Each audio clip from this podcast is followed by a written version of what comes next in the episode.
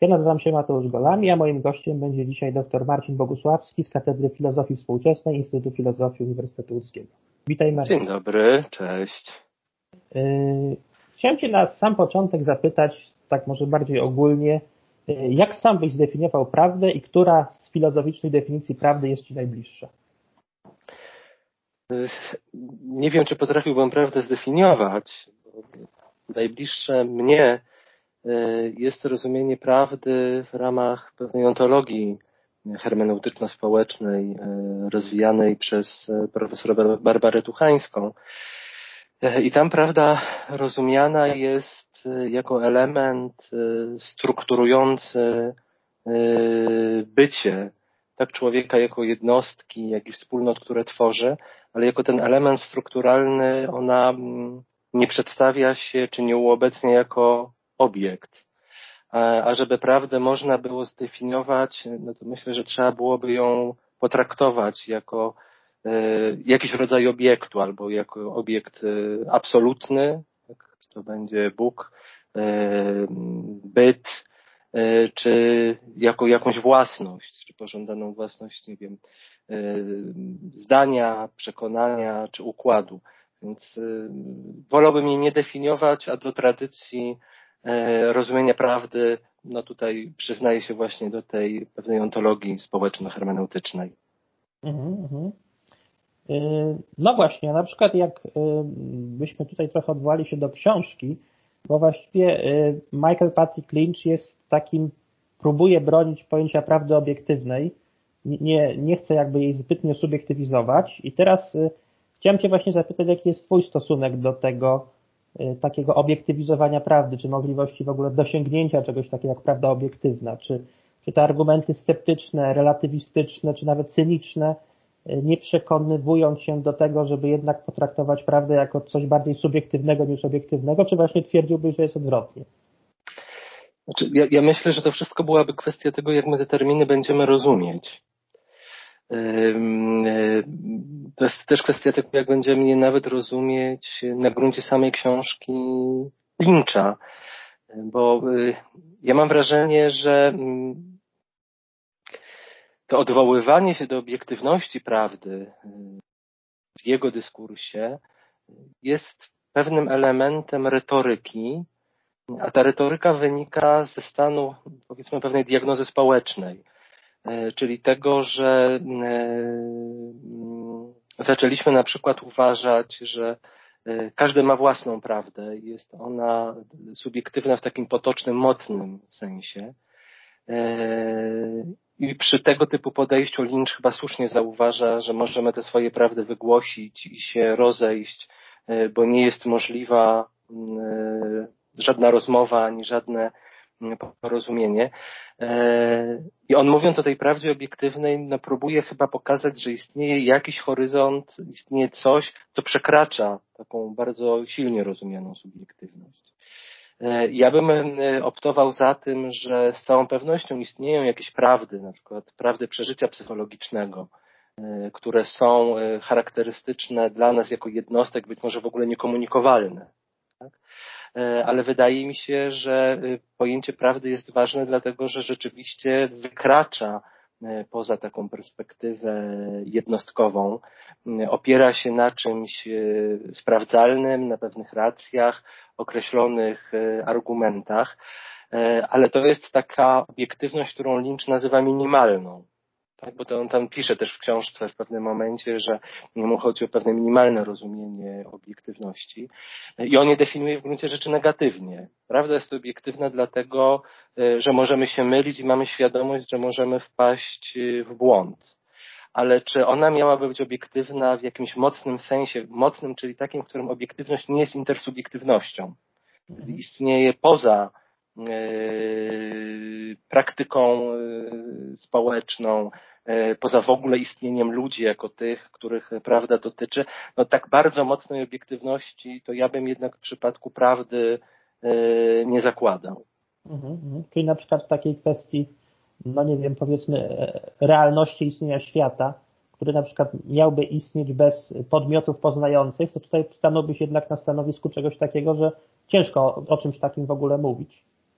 Znaczy ja nie wiem, czy miałby być świat y, dla mnie jako istoty, która istnieje i go poznaje, y, w sytuacji jak nie ma nikogo, kto może stwierdzić to istnienie. Uh-huh, uh-huh. No właśnie, a na przykład może jeżeli już trochę powiedzieliśmy o prawdzie króciutko, to może spróbujmy się zastanowić nad terminem przeciwnym prawdzie, czyli fałszu czy kłamstwie, prawda? I y, jak Twoim zdaniem jest y, z kwestią właśnie kłamania w życiu, czy fałszu w życiu, zakłamania pewnego w życiu? Y, czy w ogóle mm, mówienie zawsze prawdy, czy to jest jakiś taki postulat, którego powinniśmy się bardzo sztywno trzymać, czy jednak myśleć o pewnych wyjątkach od tej reguły? No i Twoim zdaniem, gdzie leży ta granica? To znaczy, gdzie jakby można pewną prawdę eksplikować, mówić, a gdzie jakby trzeba się zatrzymać i powiedzieć, że tutaj już więcej powiedzieć nie można, czy pewnych rzeczy powiedzieć nie można, czy nawet w pewnych, w pewnych zakresach należy mówić nieprawdę, bo, bo po prostu inaczej się nie da, bo na przykład jest jakiś wiem, wymóg taki środowiska, prawda, pewien napór, uh-huh. nacisk, y, na przykład kwestia, nie wiem, mówienia o Katyniu w czasach komunistycznych, po prostu nie można było o tym mówić, każdy, kto o tym mówił, był w ten sposób karany, więc więc y, trzeba było albo kłamać, albo milczeć. I co, jak, jak się do tego odniesiesz?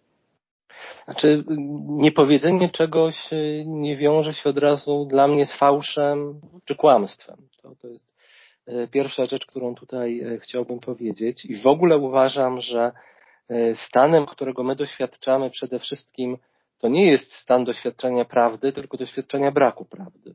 Ja myślę, że my o, o, tym, jaką rolę, jaką wartością jest prawda w naszym życiu, zdajemy sobie, e, uzyskujemy świadomość tego w momencie, kiedy tej prawdy zaczyna nam jakichś powodów e, brakować. I oczywiście złotą regułą byłoby to, gdybyśmy uznali, że niekłamanie i prawdomówność jest zasadą bezwyjątkową. E, ale myślę, że takiej rzeczy założyć się nie da z bardzo prostego powodu. Mianowicie takiego, że prawda e, jest jedną z wartości obecną w naszym życiu e, i nie jest wartością jedyną. I może ona w danej sytuacji wchodzić w konflikt z innymi wartościami, bądź od tego, jak te wartości schierarchizujemy, będą zależały następstwa tego, co robimy. Jest mi łatwo powiedzieć na przykład, że gdybym miał uratować komuś życie, e, nie mówiąc prawdy e, albo kłamiąc, e, skłamałbym, bo wartość ludzkiego życia jest dla mnie wartością równie ważną jak prawda, w niektórych sytuacjach trzeba tutaj wybrać, tak? Ale gdybym miał y, nie mówić prawdy z oportunizmu, albo dlatego, że chciałbym zrobić karierę i byłaby to y, droga łatwiejsza, y, albo dlatego, że chciałbym ukryć, że działania mojej grupy przeczą temu, co ta grupa jawnie deklaruje, no to wtedy zdecydowanie wartością priorytetową jest dla mnie prawda, nawet jeżeli ona jest niewygodna i będzie miała dla mnie y, następstwa y, przykre czy trudne. Y, ale nie wydaje mi się, że tutaj dałoby się opracować algorytm, dlatego że te sytuacje wydają mi się mm, na tyle niepowtarzalne, że nie da się ich tak metodycznie pogrupować i powiedzieć, że zawsze należałoby działać w ten sam sposób. Mhm, mhm. Jeszcze wracając do tego y, pojęcia takiej subiektywnej prawdy i tego właśnie pojęcia postprawdy, które taką no, pewną karierę zrobiło, y, jak w ogóle oceniasz to pojęcie? Bo ono chyba bardziej wyniknęło z takiej refleksji społeczno-politycznej, prawda, niż czysto filozoficznej i wydaje się właśnie, że, że może w takim dyskursie społeczno-politycznym to pojęcie postprawdy, czyli jakby docenienie punktu widzenia każdego człowieka ma w pewnym sensie jakiś jakieś duże znaczenie pozytywne, prawda? Więc może w filozofii to jest pewna, pewne zło, no może za duże słowo, ale coś takiego bardziej pejoratywnego, natomiast w życiu społeczno-politycznym być może to pojęcie postprawdy jest, jest pewną zaletą. No i mnie się w ogóle pojęcie postprawdy nie kojarzy z niczym pozytywnym. Mhm, mhm. E, mnie kojarzy się no, z takimi zjawiskami jak fake newsy, Mhm. E, jak e, głoszenie pewnych rzeczy z powodu osiągnięcia korzyści, z, na podstawie wyłącznie pewnego psychologicznego poczucia pewności, bez podania racji czy sprawdzenia pewnej rzeczy. Więc mnie się postprawda ani w życiu społecznym, ani w życiu filozoficznym dobrze nie kojarzy. Zresztą to jest pewne poręczne sformułowanie, które no, może ładnie funkcjonować w dyskursie, natomiast ono niesie ze sobą treści, które przecież były rozpoznawane wcześniej i w filozofii, i w naukach społecznych, tak jak kłamstwo społeczne chociażby, tak? problem rzetelności informacji, manipulacja tak, medialna. Nie po prostu chodziło o takie dowartościowanie każdej z perspektyw, prawda? Znaczy, nawet jeżeli ktoś wierzy w fake newsy, to być może ta, w cudzysłowie, prawda, która jakby idzie za tym, że on w to wierzy, jakby jest związana z jakimś jego innym problemem być może, prawda, który, którego nie umie eksplikować wprost, tylko na przykład eksplikuje go poprzez fake news, prawda, na przykład, nie wiem, żyje w trudnej sytuacji materialnej czy życiowej i wtedy jego frustracja powoduje, że, że właśnie wierzy w fake newsy, prawda, czyli jest to jakaś prawda psychologiczna być może, którą też by trzeba jakoś uwzględnić, prawda, nie, nie wykluczać może z dyskursu. Znaczy, ja mogę rozumieć powody pewnych zachowań, mhm. czy próbować je rozumieć, e, ale to nie automatycznie nie oznacza, że będę dowartościowywał e, nieprawdziwe e, mhm, mhm. poglądy, które z tego wynikają. Raczej na przykład, jeżeli mielibyśmy mówić, nawiązałeś do trudnej sytuacji materialnej, no, chociażby do tego, że walka o przeżycie w codziennym życiu absorbuje dość y, duże pokłady energii intelektualnej, y, której nie da się już wykorzystać y, albo trudniej jest wykorzystać, żeby głębiej rozumieć pewne zjawiska, no to z mojej strony postulatem raczej byłoby to, żeby na tyle poprawiać warunki społeczne, żeby ludzie nie musieli tak bardzo absorbować swojej energii i wkładać ją tylko w to, żeby przeżyć, a nie w mówienie tego, że jakieś fake newsy, postprawdy, stereotypy czy ułatwienia są czymś pozytywnym, tak? To zresztą widać, ja bym powiedział, po każdej ze stron, bo my mamy też taką łatwość trochę mówienia o pewnych, o pewnej frustracji negatywnie rozumianej, o nieprawdziwych informacjach, skrzywionym widzeniu świata w odniesieniu do e, osób e, z niższym statusem majątkowym chociażby, ale e, ludzie z elit wcale nie są odpornieni na tego typu mechanizmy, tak? Ja śledzę i trochę się też argumentacyjnie angażuję w tą społeczną sprawę, jaką było zaszczepienie osób spoza grupy zero w szpitalu y, Warszawskiego Uniwersytetu Medycznego, to tutaj bardzo dobrze widać, jak ten mechanizm działa, tak? Y, bo problemem, y, poza oczywiście z tymi działaniami instytucjonalnymi, co do których tutaj no już zgłoszono w rozmaitych dokumentach zastrzeżenia, no to jest kwestia produkowania właśnie nieprawdziwych, prawdziwych uzasadnień tego, co się stało. Tak, jakbyśmy słuchali tych poszczególnych ludzi, e, to z ich opowieści układa się historia wewnętrznie sprzeczna. E, to za tym też stoją określone mechanizmy. Maria Seweryn mówiła o strachu. Jestem w stanie to zrozumieć. Ktoś mówił o wprowadzeniu w błąd. E, ktoś mówił, że odrzucił propozycję umowy barterowej, ktoś inny, że żadnej propozycji umów jako takich nie było. Tak.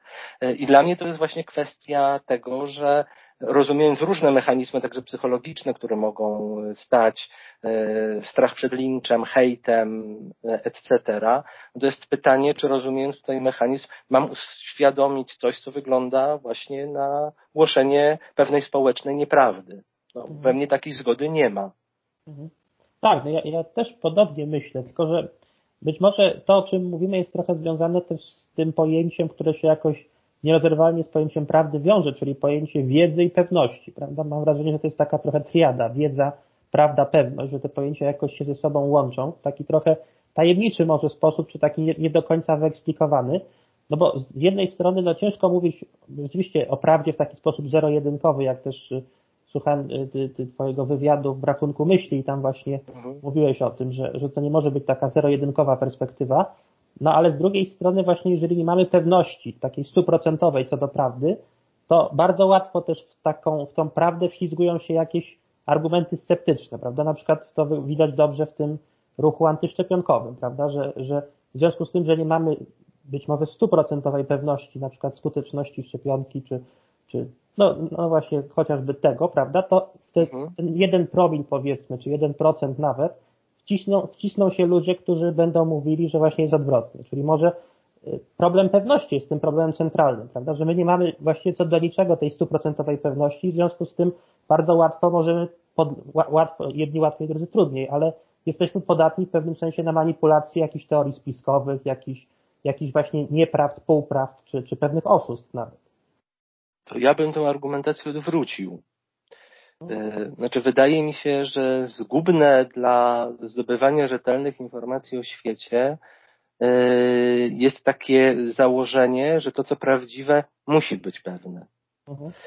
E, my je mamy, czy ono zawsze towarzyszy naszej kulturze, nie jestem pewien. No, studia chociażby Tulmina, czy w Polsce Bartosia pokazywały, że poczucie pewności i związek z prawdą rodzą się razem z nowożytnością i też rozmaitymi zjawiskami kryzysów społecznych, religijnych, y, które wtedy y, wyrosły.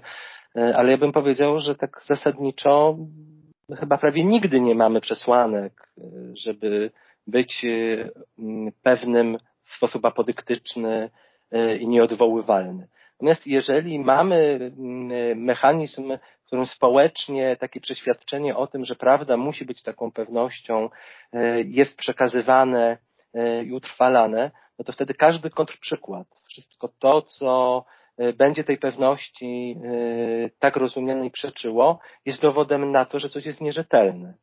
Mhm, mhm. tak? E, a e, my w naszym e, skromnym, historycznym, ludzkim świecie rozpartym między narodzinami a śmiercią mamy określone procedury uwierzytelniania wiedzy. Różne i coś, czego akurat tu Lynch nie widzi, oparte nie tylko o jakieś uzasadnienia przekonań, ale chociażby także o całą aparaturę, która stabilizuje naszą pewną wiedzę o świecie, pomiary, i tak dalej. I to nie bezwyjątkowość, tylko właśnie te procedury z podstawową, czyli podawaniem racji, które biorą się jednak skądś, a nie jak królik z kapelusza, tak, powoduje, że jedne przekonania są lepsze, a inne przekonania są gorsze. No i tutaj jest ten problem, e, który u Lyncha jest, że e, on by bardzo chciał powiedzieć, że prawda jest chyba jeszcze ponad tym wszystkim, ponad e, schematami argumentacji, e, przyjmowanymi strategiami uzasadniania e, i tak dalej, i tak dalej. Ja nawet rozumiem, dlaczego on chce to zrobić. Znaczy on prawdopodobnie chce powiedzieć, że prawda wykracza jeszcze poza to wszystko, żebyśmy mieli świadomość, że nawet najlepsze uzasadnienie może być błędne. Mhm. Bo to jest akurat prawda nomen omen, czymkolwiek ona jest. Tylko, że niestety wiemy, że ta prawda jest właśnie gdzieś tam jeszcze że wszystko, co tutaj e, w świecie skończonym i faktycznym robimy, e, może jednak zakładać jakąś pomyłkę, ale już specjalnie on nie potrafi powiedzieć, czym ta prawda poza tym wszystkim jest. Ja nie wiem, jakie, jakie ty miałeś odczucie, ale w ogóle prawda u niego funkcjonuje chyba w kilku znaczeniach. Jakiegoś ideału, do którego się dąży. Tak, tak, tak. E, jako własności e, przekonania, jako wartości, przy czym nie wiadomo jaka jest relacja do końca między wartością a własnością, bo on tych rzeczy nie tłumaczy. Ale jako przestroga, że odczujemy brak prawdy E, kiedy, do, kiedy doświadczymy właśnie tego braku, na przykład w postaci kłamstwa. E, I przekonanie o tym, że bez takiego horyzontu przekraczania i świadomości, e, że nawet najlepsze uzasadnienie, które trzeba podać, może być błędne, zamkniemy sobie drogę do tego, żeby o prawdę się troszczyć. To, tak, I ten element troski o prawdę w ogóle w tej książce wydaje mi się fajny. Tak, on jest, on jest tutaj fajnie wyeksponowany, ale właśnie ja mam wrażenie, że Lynch trochę rzeczywiście mówi o takiej pewnej tęsknocie człowieka, o takim dążeniu do ideału i, i te, tą prawdę obiektywną, o której on mówi, to ja myślę, że, że to jest oczywiście moja hipoteza. Wydaje mi się, że on jakoś łączy z pewnością, prawda? Czyli on jakby marzy o takiej prawdzie, która byłaby pewna. I być no może nie. Nie wydaje się. Bo ja, y, on Frost pisze przecież, że nie należy mylić prawdy z pewnością. No właśnie. To spora część książki jest temu poświęcona. Tak, no, no tak, to te, też zwróciłem uwagę na to, że on pisze, ale kiedy mówi o tym obiektywizmie właśnie, to ten obiektywizm jest dla mnie o tyle niepokojący, że on jakby wskazuje moim zdaniem na to, że, że tutaj jest jakiś coś, znaczy obiektywność jakoś mi się wiąże z pewnością, prawda? Czyli, czyli no nie wiem, może to źle rozumuję, bo, bo tutaj nie chcę się jakby upierać przy tym, ale po prostu wydaje mi się, że no przynajmniej może coś takiego, że jest, y, może z tym się zgodzi, że jest w człowieku taka potrzeba pewności, prawda? Że chciałby przynajmniej część ludzi chciałaby znać taką prawdę na 100%, prawda? Wiedzieć chociaż jedną rzecz na 100%, a pewne doświadczenie, i doświadczenie i naukowe, i filozoficzne nam mówi, że nic takiego nie istnieje, że to jest pewna niemożliwość, prawda? I tutaj się jakby ta tęsknota zdewa z rzeczywistością, prawda? Czyli z jednej strony jakaś tęsknota części ludzi do pewności, a z drugiej strony brak możliwości uzyskania tej pewności. Mam wrażenie, że to jest pewne takie rozdarcie też egzystencjalne człowieka w pewnym sensie.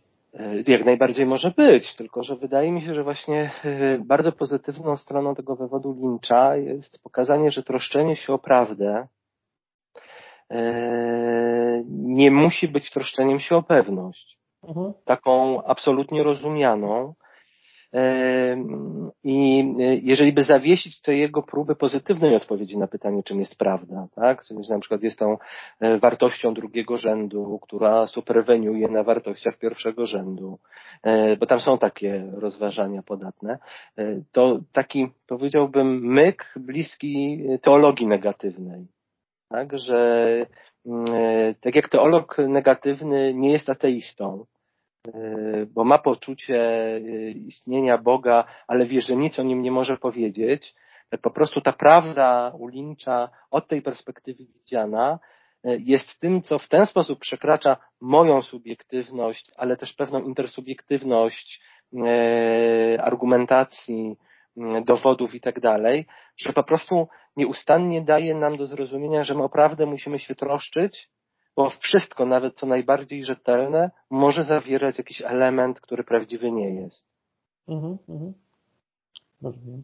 Y, no właśnie, a tutaj jeszcze y, taki, taki problem mi się nasuwa, czy może prawda to nie jest też coś takiego, y, jakby ją trochę inaczej zdefiniować, to coś, co osiągamy na drodze wspólnego dyskursu i kompromisu, prawda? I to też być może jest istotne, czyli prawda to nie jest coś właśnie jednostkowego w tym sensie, że ktoś coś stwierdza, nawet na podstawie jakichś danych które jakby zaczerpuje z otoczenia, prawda? Ale chodzi po prostu o to, że to jest coś, co się ustala na drodze dyskusji, debaty. Po prostu się rozmawia, trochę się odpuszcza ze swojego stanowiska, na przykład pod wpływem argumentów innej strony, które wydają mi się sensowne i na przykład ja sam trochę wtedy odpuszczam i zmieniam nawet trochę swój punkt widzenia i w takiej dyskusji, na przykład po takiej dyskusji każdy może wyjść z jakąś nową prawdą dla siebie, prawda? I może to jest jakieś, jakieś też droga do, do poszukiwań prawdy, czyli dyskurs, kompromis, konsensus, prawda? No na pewno y, debata publiczna oparta na argumentach jest drogą y, troszczenia się o prawdę publiczną. Y, ale wydaje mi się, że to też jest cenne u Lyncha, chociaż ja w innej perspektywie filozoficznej pewnie wysłowiłbym to inaczej, że w takim naszym codziennym życiu mamy do czynienia z prawdami w różnych obszarach naszego życia i one trochę się różnią. E, jednak mm, e, inaczej będziemy mówić o prawdzie w kontekście nauki, procedur i zobowiązania naukowca w ramach jego etosu. E, inaczej będziemy mówić o prawdzie w życiu politycznym. W jednym wypadku będzie miała bardziej charakter epistemologiczny, w innych kontekstach będzie nabierała wręcz znaczenia etycznego.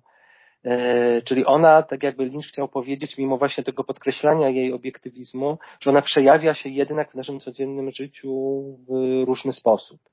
I wydaje mi się, że ona nie może być po prostu e, samym wynikiem e, debaty publicznej, bo gdyby, gdyby to była tylko otwartość i debata, no to w gruncie rzeczy moglibyśmy się umówić na cokolwiek. Jestem sobie w stanie wyobrazić debatę, w której się umawiamy na pogląd, że kobieta nie jest człowiekiem. Tylko, że mnie nie chodzi o to, że się na coś umawiamy, tylko po prostu dyskutujemy i na przykład albo wskutek tej debaty możemy się też utwierdzić we własnym stanowisku, albo w pewnym sensie je zmodyfikować, ale to nie znaczy, że zawsze wynikiem takiej debaty musi być jakaś zgoda co do czegoś, prawda? Tylko po prostu takie zderzenie się bardziej. E, no tylko, że żeby się zderzać, trzeba mieć pewną płaszczyznę wspólną. E, bo, bo, jeżeli będziemy uznawali kompletnie inne strategie argumentacji, albo będziemy inne źródła y, wiedzy uznawać, y, znaczy inne źródła poglądów, nie wiedzy, tu się przejęzyczyłam, za źródłowo prawdziwe, no to my, jeżeli nie będziemy mieli żadnej perspektywy zmierzenia tych argumentów, które słyszymy, tak, no to taka debata nie będzie miała jakiegokolwiek sensu. Mhm, mhm. Rozumiem, rozumiem, okej. Okay. No właśnie, a tutaj y, jeszcze mi się nasuwa takie kolejne pytanie, które już bardziej może z takiego poziomu psychologicznego wychodzi.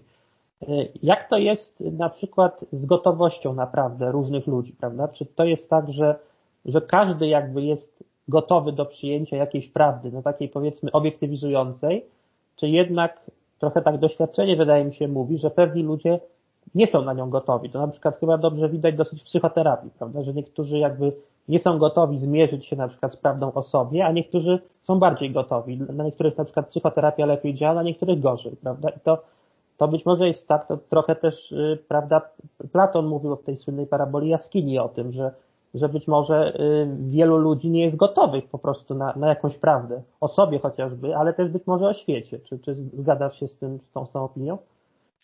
Ja, ja się zastanawiam, czy pod kątem psychologicznym generalnie prawda nie jest dla nas wyzwaniem.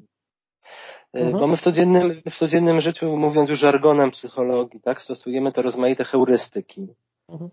Które oswajają nas z życiem, powodują, że w bardziej zautomatyzowany sposób rozwiązujemy problemy, czujemy się bezpieczni i tak mhm. dalej.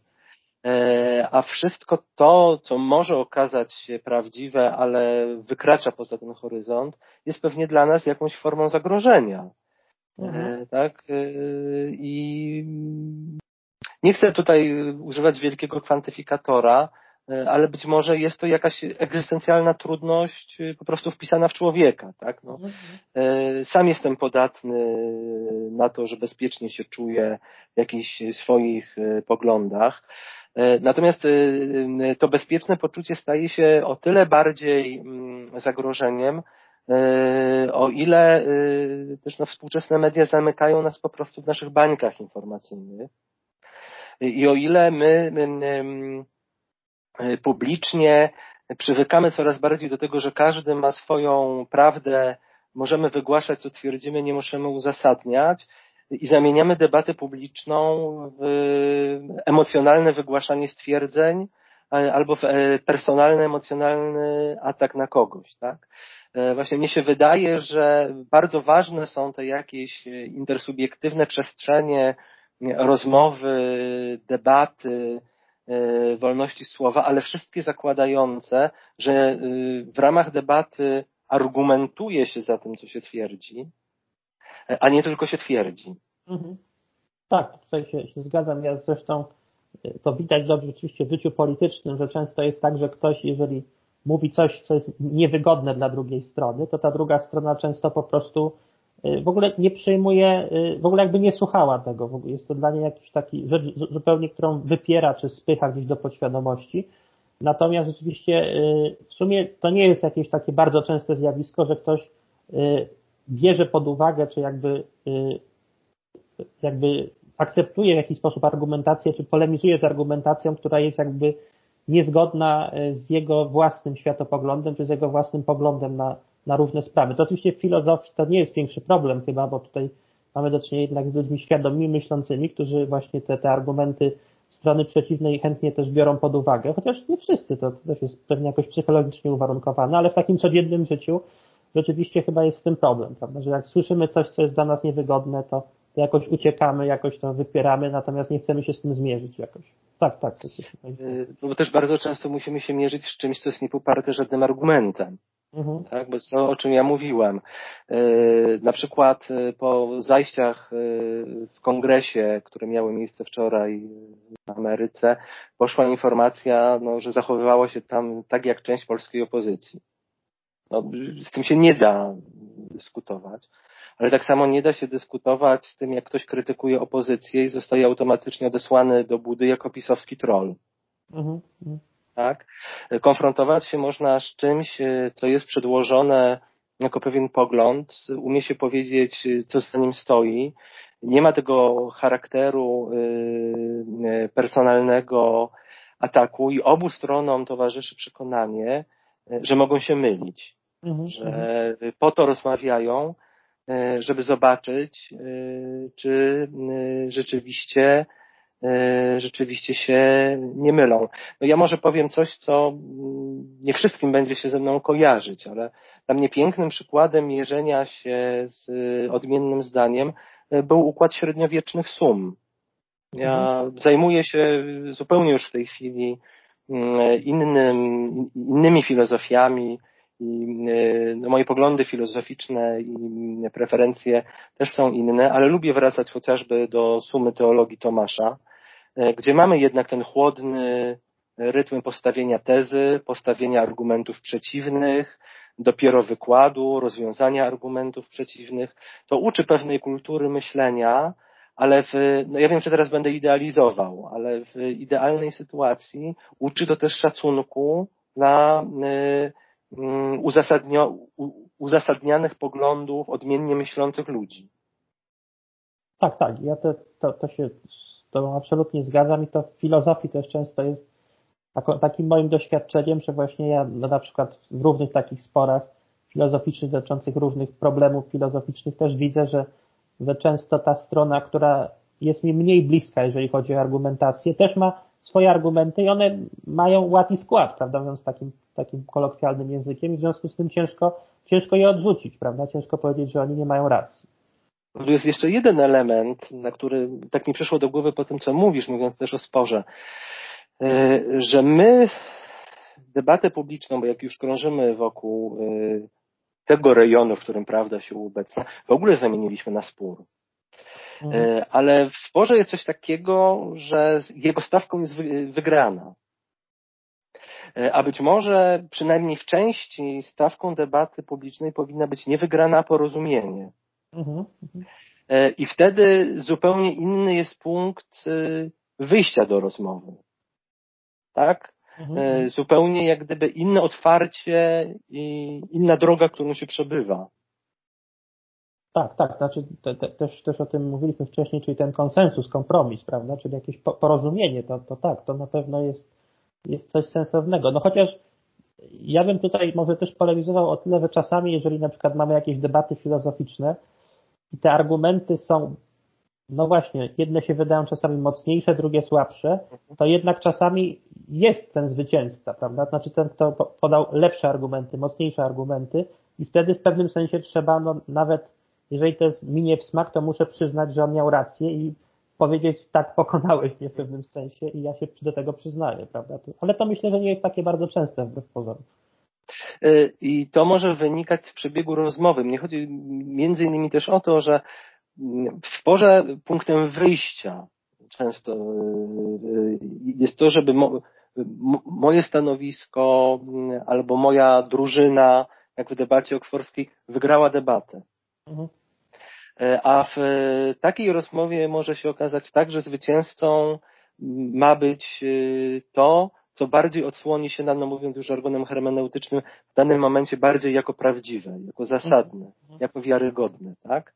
I wtedy to zmienia mnie, zmienia moje przekonania, zmienia też, jeżeli rozmowa jest uczciwa, tą stronę, która przedstawiła argumenty lepsze, E, ale i tak wychodzimy, dalej mówiąc językiem hermeneutycznym, w takiej sytuacji, że jesteśmy e, naraz w prawdzie i w nieprawdzie.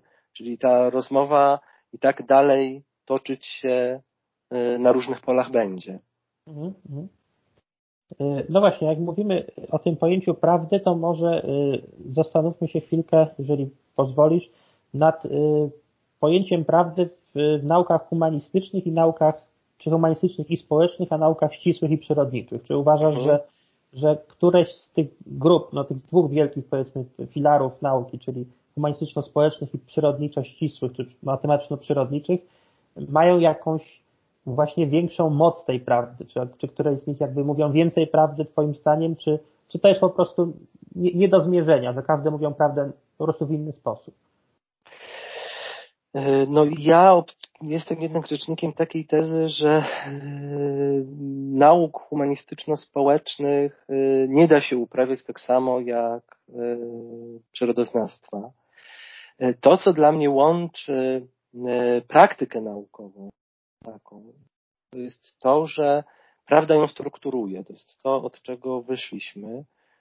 Czyli, że naukowiec bez względu na reprezentowaną dziedzinę ma tę prawdę jako pewne życiowe zobowiązanie. Ona uobecnia mi się w mojej praktyce jako coś, co jest moim obowiązkiem. I myślę, że tutaj e, specjalnej różnicy związanej z dyscyplinami w naukach bym nie widział. Natomiast moim zdaniem, e, mówiąc tak en bloc, praktyka przyrodoznawcza i praktyka nauk humanistyczno-społecznych jest jednak troszkę inna.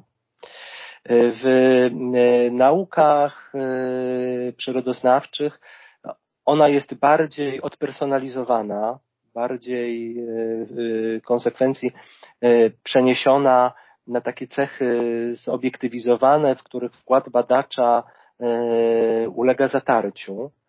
E, obiektywizowane jest też przez całe instrumentarium e, laboratoryjne chociażby w tej części e, nauk, których laboratoriów się używa. I ona nastawiona jest w badaniu realistycznie, tak, w takim duchu opowiedzenia czegoś o świecie, jak gdyby niezależnym od tego układu E, który się bada. Natomiast wydaje mi się, że w praktyce nauk humanistycznych i społecznych nie da się zatrzeć e, tego elementu wkładu autorskiego. Mhm. E, tutaj elementem jednak praktyki jest autorefleksyjność, świadomość, z jakiego miejsca się mówi, E, świadomość przedsądów, e, które towarzyszą badaczom. Tego, że, e, nie wiem, będąc badaczem społecznym, jest się w pozycji kogoś, kto jak gdyby bada sam siebie. Tak? Mm, więc ona tutaj, ta prawda, która się uobecnia, skorelowana jest właśnie także z tym, że tego horyzontu indywidualnego badacza przesądów wartości wymazać się nie da. E, więc powiedziałbym, że w obu typach praktyk, no poza tym zobowiązaniem e, prawdziwościowym, e, które jest bardzo podobne, prawda z korelatem trochę różnego, trochę odmiennego typu praktyk, chociaż i to się oczywiście zmienia. Zmienia się dlatego, że rozwija się humanistyka cyfrowa, która jednak oparta jest i na algorytmizacji, i na przeglądaniu bardzo dużych zespołów danych. E, mamy rozmaite e, badania ilościowe e, od językoznawstwa, prawda, po rozmaite modele matematyczne w ekonomii. Więc ta granica, o której ja mówię między tymi dwoma rodzajami praktyk, mniej dzisiaj musi przekładać się pewnie na sztywne podziały dyscyplinarne. Ale w pewnym ogólnym nastawieniu te różnice bym widział. Przy czym prawda też jest taka, że jest y, gro autorów, którzy by powiedzieli, że można bardzo sensownie mówić o nauce, rzetelności wiedzy naukowej. Tutaj na ogół ma się na myśli właśnie science, e, e, jako punkt odniesienia, e, nie mówiąc o prawdzie. Mhm. Tak? Można mówić o całym szeregu wartości epistemicznych, które powodują, że ta wiedza uzyskiwana w nauce e, posiada ważne walory i powinna stanowić dla nas punkt odniesienia, ale niekoniecznie musimy tutaj używać e, hasła, że ona jest prawdziwa. Mhm. Możemy, a jeżeli chcemy, to możemy mówić, że ona się zbliża do prawdy na przykład. Albo, tak, że jest prawda upodobniona, tak? Ale już nie w takim mocnym sensie zero-jedynkowym, że jest prawdziwa i koniec. Tak, ja się z tym zgadzam. Zresztą przecież y, były takie postulaty, że, że właściwie można mówić o prawdzie w sposób zupełnie swobodny, nie używając tego pojęcia, prawda? Że można jakby właśnie tworzyć jakieś sądy epistemiczne, w ogóle nie mówiąc o pojęciu prawdy. Być może ono jest, niektórzy tak twierdzą, zupełnie zbędne w dyskursie, prawda? Nawet filozoficznym czy naukowym. Może po prostu coś badamy i nie musimy jakby obsesyjnie się zastanawiać, czy to jest prawdziwe, czy nie. Ale to, to akurat nie jest jakoś specjalnie bliska mi perspektywa, szczerze mówiąc. Mhm. Natomiast y, jeszcze co do tego, co mówiłeś, y, to właśnie trochę niepokoi to, że, że ja się oczywiście z tym zgadzam, że ten wkład osobowości autora w naukach y, społecznych, humanistycznych, filozofii też jest, jest większy niż w naukach matematyczno-przyrodniczych, ale czy to właśnie nie jest pewnym też elementem subiektywizacji, prawda? Czyli czy to jakby nie, nie, za bardzo nie subiektywizuje tych nauk i może to w takim potocznym na przykład rozumieniu y, tych nauk powoduje, że, że w takim myśleniu bardzo potocznym, to to nauki y, humanistyczno-społeczne są traktowane trochę per noga, prawda, w stosunku do nauk matematyczno-przyrodniczych, które się traktuje jako taki, oczywiście to mówię o potocznym myśleniu, jako taki ideał uprawiania nauki i w pewnym sensie też dla niektórych, przecież były takie nurty w samej filozofii, jak na przykład scientyzm czy, czy pozytywizm, które mówiły, że właściwie filozofię należałoby upodobnić do nauk matematyczno-przyrodniczych, czyli czy to nie jest, y, no dla mnie to jest pewne niebezpieczeństwo, ale y, rozumiem mniej więcej z czego to się bierze, bo, bo ten mechanizm właśnie obiektywizacji jest tutaj silniejszy, prawda, ten wkład osobowości autora jest mniejszy i być może jakby to niebezpieczne dążenie do unaukowienia, w tym sensie science wszystkiego, jest ciągle zagrożeniem dla, dla, dla filozofii i dla nauk humanistycznych. Czy, jeżeli mielibyśmy uprawiać nauki humanistyczne e, tylko i wyłącznie na zasadzie takiej, w którym dyskursem naukowym jest to, co mi się wydaje, e, no to powiedzmy sobie szczerze, że nie byłoby to specjalnie uprawianie jakiejkolwiek nauki, tak.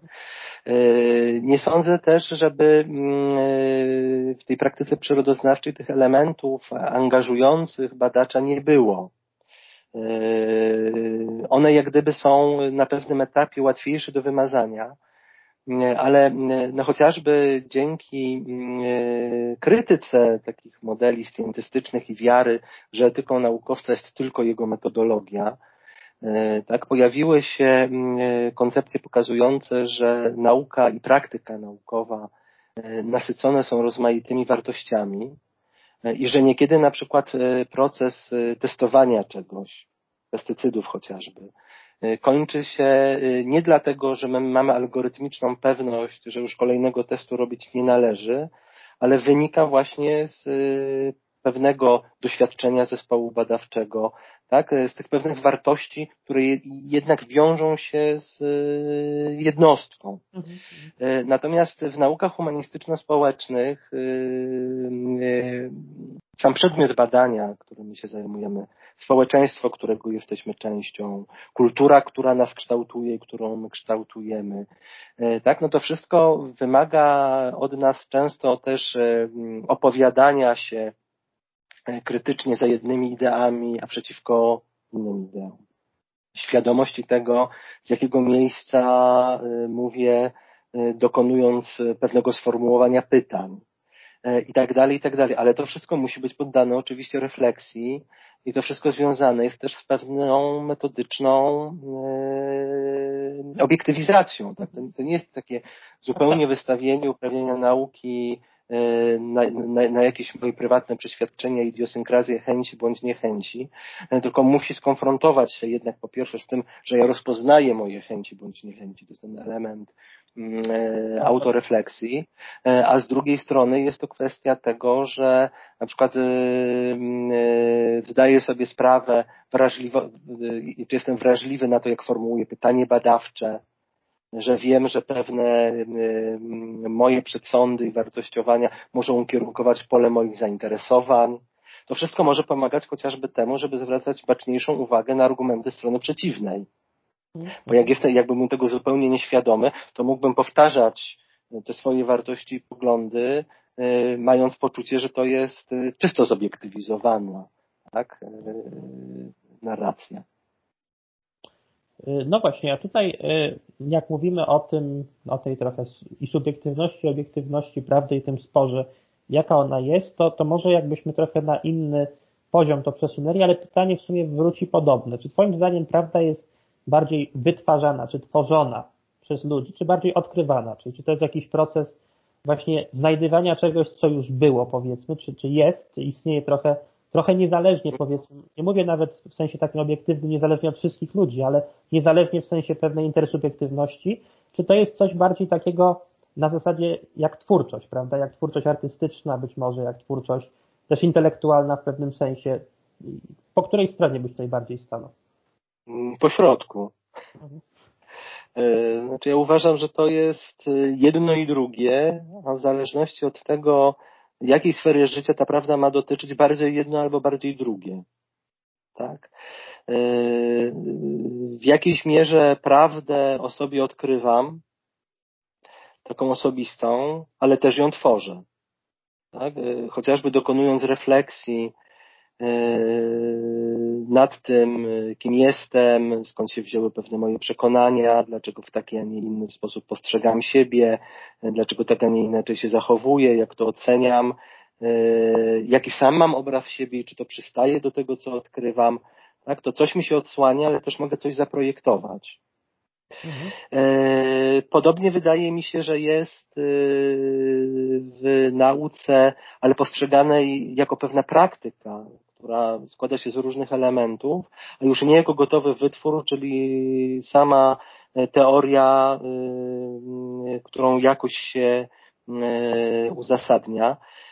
Bo tak jak już mówiłem, ja, ja nie umiem mówić o prawdzie czy o świecie niezależnie od istnienia nie mnie jako jednostki, ale poznających ludzi i ich aparatury.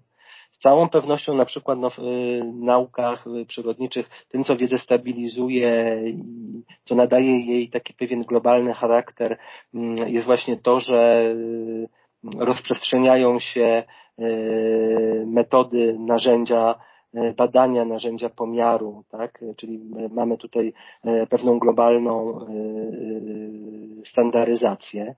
E, wiem, że moje poznanie świata jest jakoś skorelowane z pewnym systemem pojęciowym, językiem, skalami, e, ale e, biorąc to wszystko pod uwagę, wiem, że to, co w nie łapię, jest pewnym aktywnym czynnikiem, i nawet jeżeli bym sobie miał mocno powiedzieć, czego sam nie robię, ale załóżmy, że sobie wytworzyłem całkowicie język y, opisu świata, no to czynniki, z którymi wchodzę w relacje, powodują, że jak już raz przyjmę ten język, to nie będę mógł w nim powiedzieć czegokolwiek. Mhm, mhm. Tak? Yy, powiedziałbym, że yy, nie uważam, że odsłania mi się w Poznaniu jakaś metafizyczna prawda bytu, tak? taka niezmienna esencja czy niezmienna istota. Na pewno yy, jest to jakiś element, który tworzy się w procesie badania, ale on wcale nie jest dowolny i nie jest tak, że konstruuje go sobie społeczeństwo, czy jako całość, czy jako e, społeczność uczonych chociażby, tak ex nihilo jak Bóg. Mhm. E, czyli, że może sobie pozwolić absolutnie na wszystko. Wiem, właśnie też, też, też tak o tym myślę, tylko że właśnie zastanawiam się, bo, bo to jest niepokojące stwierdzenie, że jednak stwarzam sobie jakąś prawdę i tak pomyślałem sobie, to taki trochę eksperyment, że na przykład właśnie w pewnych wariantach idealizmu subiektywnego tak można rozumieć prawdę, no bo jeżeli prawdą jest, jeżeli rzeczywistość jest moim wyobrażeniem, oczywiście w skrajnym wariancie solipsyzmu, to wtedy rzeczywiście stwarzam cały świat, więc stwarzam jednocześnie całą prawdę o świecie. No oczywiście to jest pogląd bardzo taki absurdalny, bardzo, bardzo jakby rzadko też wśród filozofów podnoszony, ale takie mam trochę intuicyjne wrażenie, że być może to pojęcie postprawdy jakoś wiedzie do solipsyzmu, prawda, czy do jakiegoś takiego myślenia przynajmniej w tych kategoriach, że ja sobie może bardziej nawet metaforycznie stwarzam pewien świat, który potem jakoś próbuję opisać, prawda? Tylko, że ja wierzę, że on jest obiektywny chyba, bo to tutaj też byłby taki jakiś jeden element, tak, że ja nie mam poczucia, że sobie ten świat stworzyłem i on jest mój, mhm. E, tylko ja roszczę sobie pretensje do tego, że ten złożony z postprawd e, świat e, ma jakąś ważność nie tylko dla mnie. No tak, to po pojęciu postprawdy to na pewno jest zawarte, ale, ale gdybyśmy... Natomiast ja takiego, y, takiego idealisty subiektywnego, którym to mówisz, to w ogóle nie zna. No tak, bo, bo w praktyce nie ma, no może poza Berkeleyem, prawda? Czy... Berkeley absolutnie nie był tego typu solipsystą. No. E, Berkeley tylko w bardzo prymitywnych interpretacjach jest filozofem, którego da się zredukować do takiego typu solipsyzmu, pomijając chociażby tak yy, pryncypialną tezę, że to istnienie yy, postrzeganych bytów zależne jest od postrzegania Boga, o, tak, które jest postrzeganiem ciągłym. Tak, tak, to, to wiem, ale, ale no sam twórca pojęcia solipsyzmu, Gorgiasz bodajże, on, on jakby no, wyznawał taki pogląd, że rzeczywistość jest moim wyobrażeniem, a jestem jedynym podmiotem poznającym, czyli no, przynajmniej jeden solipsysta był, skoro taki pogląd istnieje, prawda? Jeżeli się umówimy, że na pewno wiemy, że Gorgiasz tak to rozumiał. No tak. No właśnie.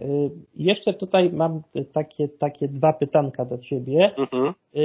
Czy, co, co, sądzisz o widzeniu prawdy w różnych, powiedzmy, nienormatywnych stanach psychicznych, jak na przykład złość, gniew, wzburzenie emocjonalne, y, ale też depresja, psychoza, ekstaza mistyczna, czy może medytacja? Czy uważasz, że te stany psychiczne, psychologiczne, one pozwalają nam zrozumieć y, coś więcej, czy widzieć prawdę w jakiś głębszy, bardziej szeroki sposób, czy wprost przeciwnie, one jakby zaciemniają obraz i pokazują, poprzez te stany psychiczne widzimy gorzej prawdę. Jeżeli oczywiście ją jakoś będziemy obiektywizować. Nie wiem, czym jest doświadczenie mistyczne, bo nigdy go nie doświadczyłem. No tak, ja też. Yy, I w ogóle mówienie o nim zakłada jeszcze dużo rozmaitych yy, dodatkowych poglądów, które, yy, których ja nie zakładam. E, nie wiem, dlaczego złość czy gniew miałaby by, miałyby być stanami nienormatywnymi.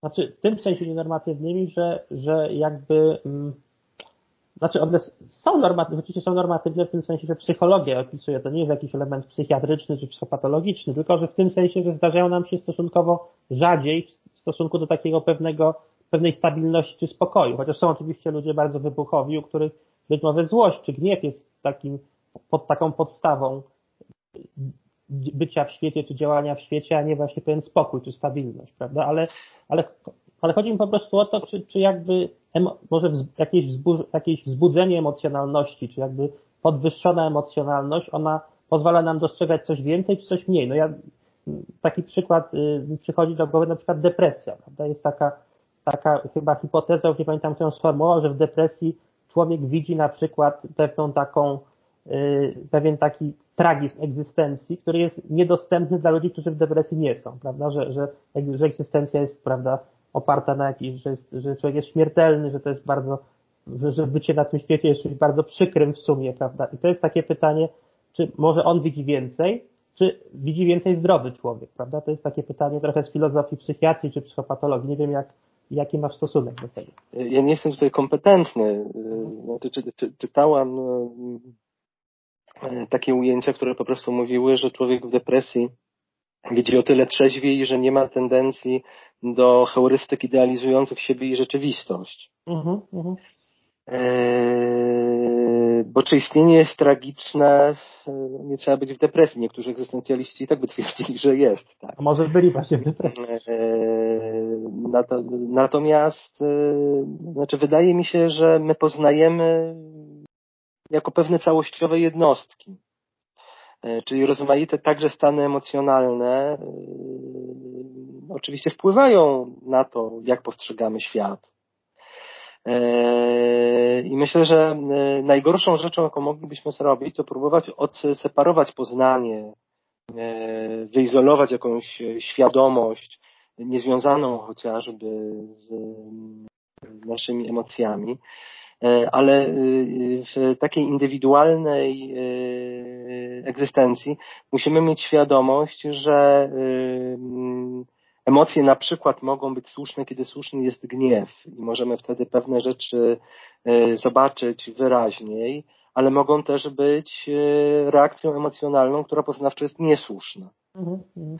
Czyli ja bym tutaj jednak stawiał na pewną roztropność, na pewną autorefleksję, na umiejętność dystansowania się od, od przekonań, które nabywamy w bardzo silnych stanach wzburzenia, mhm, mhm. E, żeby zreflektować je później. Natomiast medytacja wydaje mi się w ogóle przydatna, jeżeli chodzi o takie pewne uspokojenie się wewnętrzne e, i stworzenie sobie możliwości na przykład na to, żeby przyjrzeć się swoim poglądom i swoim emocjom. Mhm, mhm.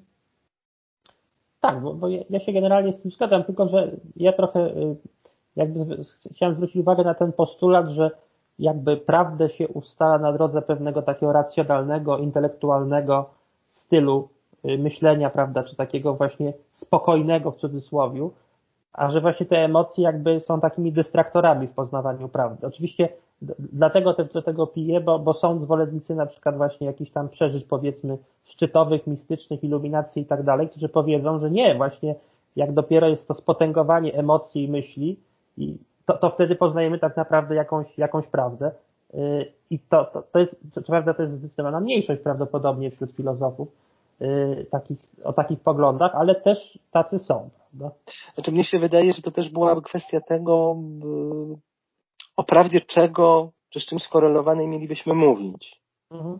Yy, tak, bo yy, nie wiem, jeżeli chcemy poznać działanie ludzkiej psychiki pod wpływem środków yy, odurzających, no to ich zażycie może nam coś powiedzieć i o tym, co podmiot doznaje i wnieść nam jakąś większą wiedzę o człowieku. Tak, jeżeli chcemy doświadczyć jakiegoś stanu granicznego, E, który nam pokaże coś więcej e, o egzystencji człowieka, coś więcej, czyli o egzystencji człowieka nie tylko takiej konformistycznie żyjącej e, wśród panujących reguł, to być może jakieś akty transgresyjne też coś człowiekowi na ten temat powiedzą, tak? No ale jeżeli mielibyśmy mówić o rzetelnej krytyce źródeł, na przykład ze strony historyka, E, to ja bym chyba jednak wolał, żeby on na przykład nie siadał do pisania jakiegoś tekstu albo zajmował się krytyką źródeł pijany w umór, e, bo zakłócenie procesów poznawczych na trzeźwość krytyki źródeł mogłoby jednak dość znacząco wpłynąć. To na pewno, na pewno. Chociaż na przykład y, w sztuce, prawda, to, to wiemy, że czasami najciekawsze pomysły rodzą się właśnie pod wpływem na przykład jakichś substancji psychoaktywnych czy alkoholu. Oczywiście to nie w każdym wypadku, ale, ale niektórzy rzeczywiście na trzeźwo nie potrafią na przykład pisać wierszy, czy nie wiem, scenariuszy filmowych na przykład. E, tylko, że prawda sztuki byłaby też pewnie jednak troszkę czymś innym. Tak? Więc dlatego powiedziałem, że to pewnie zależało, bo też od tego, e, z jaką sferą życia, z jaką prawdą z tą skorelowaną mielibyśmy do czynienia. Mhm, mhm. No właśnie, może jeszcze pociągnijmy ten temat prawdy w sztuce, prawda? Czy w ogóle uważasz, że, że ta prawda w sztuce to jest tylko jakaś autentyczność przekazu, prawda? Czyli czy coś, na przykład aktor zagrał prawdziwie, z tej powieści czy z tego filmu bije prawda, czyli to jakoś odzwierciedla jakąś, jakieś nasze przeczucia, intuicje na temat tego, jaka jest egzystencja, czy prawda, czy sztuka też może w pewnym sensie nieść taką prawdę, jaką niesie na przykład nauka czy filozofia, czyli czy można poprzez sztukę mówić jakieś prawdy o świecie, o życiu, które nie mają charakteru do końca subiektywnego, tylko w pewnym sensie przekraczają mhm. tą subiektywność autora, który je, je wyraża. No na pewno rozwija się dość dynamicznie tak zwany nurt badań opartych na sztuce. E, one mają co najmniej e, dwa aspekty. Znaczy, z jednej strony pewne zdarzenia e, ze świata sztuki służą do wykreowania pewnych sytuacji które są danymi badawczymi. E, z drugiej strony używa się też pewnych form sztuki e, jako formy komunikowania e, wyników badań. Na przykład, nie, nie, nie przypomnę sobie teraz, jak ta autorka się nazywa, ale podsumowanie, taki raport ze swoich badań przedstawiła na przykład w formie powieści. Mhm. Tak. Dalej, no, to będzie też kwestia tego, e, czy my w ogóle potrzebujemy o tym, żeby w przypadku sztuki mówić o prawdzie. I na ile ona na przykład związana byłaby z tym, że zakładamy, że mm, jakiś rodzaj, czy któreś rozumienie mimesis jest konieczne do tego, żeby o sztuce w ogóle mówić. Z jeszcze innej strony, czy szukamy prawdy samego dzieła i czy będzie taka sama prawda dzieła malarskiego, muzycznego, poezji i prozy, czy szukamy prawdy, y, nie wiem, o psychice autora, tak, mhm, mhm. Y, który dane dzieło y, wytworzył. Ja, ja myślę, że sztuka ma taki walor mówienia nam czegoś o nas. Ja w ogóle. Nie tylko autorze, prawda? Też o nas jako ludziach.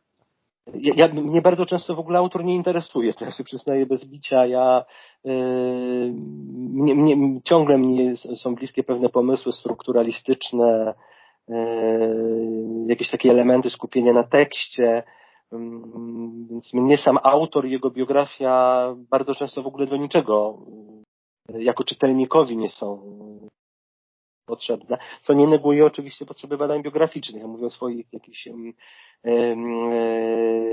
własnych preferencjach. Natomiast ja traktuję czytanie literatury poważnie. E, to jest coś, co pewnie łączyłoby mnie z Rortim. Być może jedna e, z nie tak wielu rzeczy, która z Rortim by mnie łączyła, bo mnie jest troszkę inny styl filozofowania też bliski, ale ja się z nim zgadzam. Ja czytam literaturę naprawdę poważnie, bo na coś mi mówi o życiu, mhm. E, ale mówi też w taki sposób często prowokujący, taki zmuszający do e, opowiedzenia się, ale nie szukam w niej takiego rodzaju prawd, e, jakich szukam, nie wiem, na przykład w koncepcjach fizycznych, tak? E, czy w koncepcjach e, medycznych, jak nie wiem, koncepcje chorób chociażby. Jak mhm. wiemy, nie, nie, nie ma też jednego rozumienia e, choroby. I literatura potrafi też dobrze mówić o tym, jak działa nauka. Pratchett jest tutaj świetny. Bo te jego, te, część tej jego serii, która pokazuje, jak działa nauka łącznie z mechaniką kwantową, uważam, że w sensie popularyzatorskim jest bardzo cenna. Mnie sztuka daje z jednej, z jednej strony wytchnienie, potrafi być taką ucieczką, żeby trochę psychicznie odpocząć, ale potrzebuję też takiej sztuki, która daje mi to poczucie wstrząsu i katharsis, mhm. tak? Która w jakiś sposób, yy, przepraszam, że za kolokwializm, wali mnie między oczy i powoduje, że muszę w takim stanie parę dni chodzić i coś się we mnie dzieje. Mhm, mhm. Tak, dokładnie, się zgadzam i być może właśnie to, to co sztuka robi, to, to to, że ona wyraża jakieś treści naukowe, to już zupełnie, ale nawet filozoficzne, to też ja bym miał tutaj wątpliwości, ale rzeczywiście y, powod, jakby coś zmienia w człowieku w tym sensie, że na przykład daje impuls do pewnego nowego myślenia o pewnych sprawach, no, otwiera nowe perspektywy, czy zmusza chociażby do dyskusji, do debaty na jakieś tematy. Przecież często film czy książka jest, jest świetnym punktem wyjścia do dyskusji filozoficznej, prawda? To, to też... Uczy wrażliwości, wrażliwości. Yy, pokazuje różne punkty widzenia ze względu na różnych bohaterów. Tak. Yy, no i to chyba wszystkie pytania, które miałem na dzisiaj, więc dziękuję Ci bardzo za rozmowę i Dziękuję również. Do zobaczenia. Do zobaczenia.